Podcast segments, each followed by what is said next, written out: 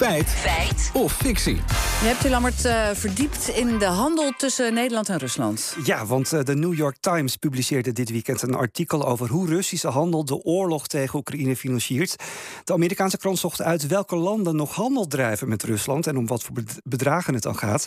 En een van de landen die eruit sprong was Nederland. De handelswaarde tussen Nederland en Rusland zou sinds de oorlog in Oekraïne zelfs met 32 procent zijn toegenomen. Nou, betekent dat dan dat wij die oorlog in Oekraïne financieren? Nou, dat kun je natuurlijk niet zo makkelijk stellen. We zijn sinds de oorlog wel veel minder gaan importeren, bijvoorbeeld uit Rusland. Maar we vroegen net aan Steven Brakman, hoogleraar internationale economie aan de Rijksuniversiteit Groningen. Je koopt producten en die eh, betaal je netjes. Ja, waar, waar een land dan die opbrengst voor gebruikt, ja, dat is aan het land in kwestie, in dit geval Rusland.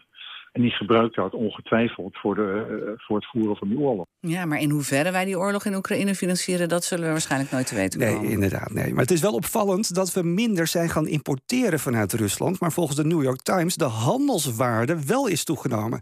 Marjolein Jaarsma, econoom bij het CBS, legde aan mij uit hoe de New York Times dit nou precies heeft berekend. Ja, wat de New York Times doet, is uh, ze bekijken de ontwikkeling van de Nederlandse invoer uit Rusland en de Nederlandse uitvoer naar Rusland sinds het uitbreken van de oorlog. En dat vergelijken ze met het vijfjaars gemiddelde van voor de oorlog. En wat zij concluderen is dat uh, de exportwaarde sinds de oorlog 52% lager ligt dan gemiddeld. En de Nederlandse invoer uit Rusland 24 74% eh, hoger. Oké, economie, daar moet ik, heb ik even de tijd voor nodig. nou zei jij net, er is een afname in de import uit Rusland. Ja. Maar nou zegt Jaarsma dat er juist een toename is. Ja, nou dat heeft alles te maken met het onderscheid tussen handelsvolume en de handelswaarde. Wat we nu nog importeren uit Rusland is een stuk duurder geworden. We horen eerst Marjolein van het CBS en daarna hoogleraar Brakman.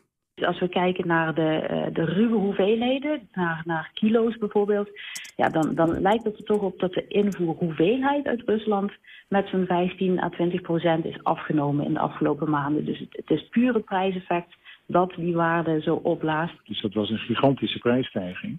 Ja, dat, kom, dat, dat heeft echt de, de, de daling van het volume uh, heel erg gecompenseerd. Ja, Marjolein Jaarsma ging voor ons ook nog even aan de slag met de cijfers die bekend zijn bij het CBS. Als we kijken over de eerste acht maanden van dit jaar, dus de periode januari tot augustus, dan zien wij een groei uh, in de invoer uit Rusland van 59